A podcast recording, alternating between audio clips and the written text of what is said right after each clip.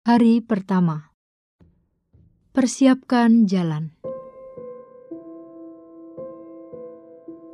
Ia akan membuat banyak orang Israel berbalik kepada Tuhan Allah mereka, dan ia akan berjalan mendahului Tuhan dalam roh dan kuasa Elia untuk membuat hati bapak-bapak berbalik kepada anak-anaknya dan hati orang-orang durhaka kepada pikiran orang-orang benar, dan dengan demikian menyiapkan bagi Tuhan suatu umat yang layak baginya.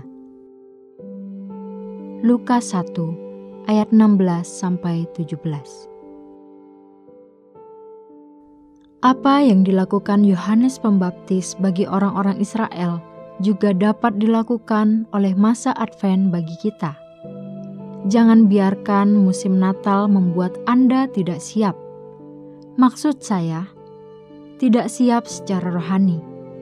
Sukacita dan dampaknya akan menjadi sangat besar jika Anda siap. Jadi, supaya Anda siap, pertama, renungkanlah kenyataan bahwa kita memerlukan Juru Selamat. Natal adalah sebuah keyakinan sebelum itu menjadi sebuah kesenangan.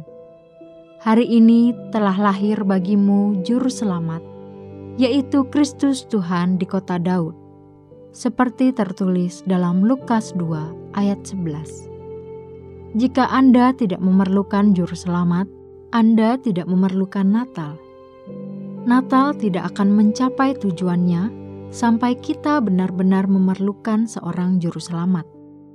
Biarlah renungan-renungan Advent singkat dalam buku ini membangkitkan perasaan rindu Anda akan juru selamat. Kedua, libatkanlah diri Anda dalam usaha memeriksa diri sendiri. Masa Advent bagi Natal adalah seperti masa Prapaskah bagi Paskah Selidikilah aku, ya Allah, dan kenalah hatiku. Ujilah aku, dan kenalah pikiran-pikiranku. Lihatlah, apakah jalanku serong, dan tuntunlah aku di jalan yang kekal. Seperti tertulis dalam Mazmur 139 ayat 23 sampai 24.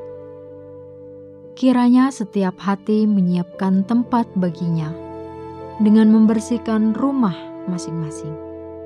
Ketiga, bangunlah antisipasi, harapan, dan sukacita yang berpusat pada Allah di rumah Anda, khususnya bagi anak-anak Anda. Jika Anda bersuka karena Kristus, mereka juga demikian. Jika Anda dapat membuat Natal penuh kegembiraan hanya karena hal-hal jasmani, bagaimana mungkin anak-anak Anda akan haus akan Allah? Condongkanlah pikiran Anda untuk menjadikan keajaiban dari kedatangan Sang Raja nyata bagi anak-anak Anda.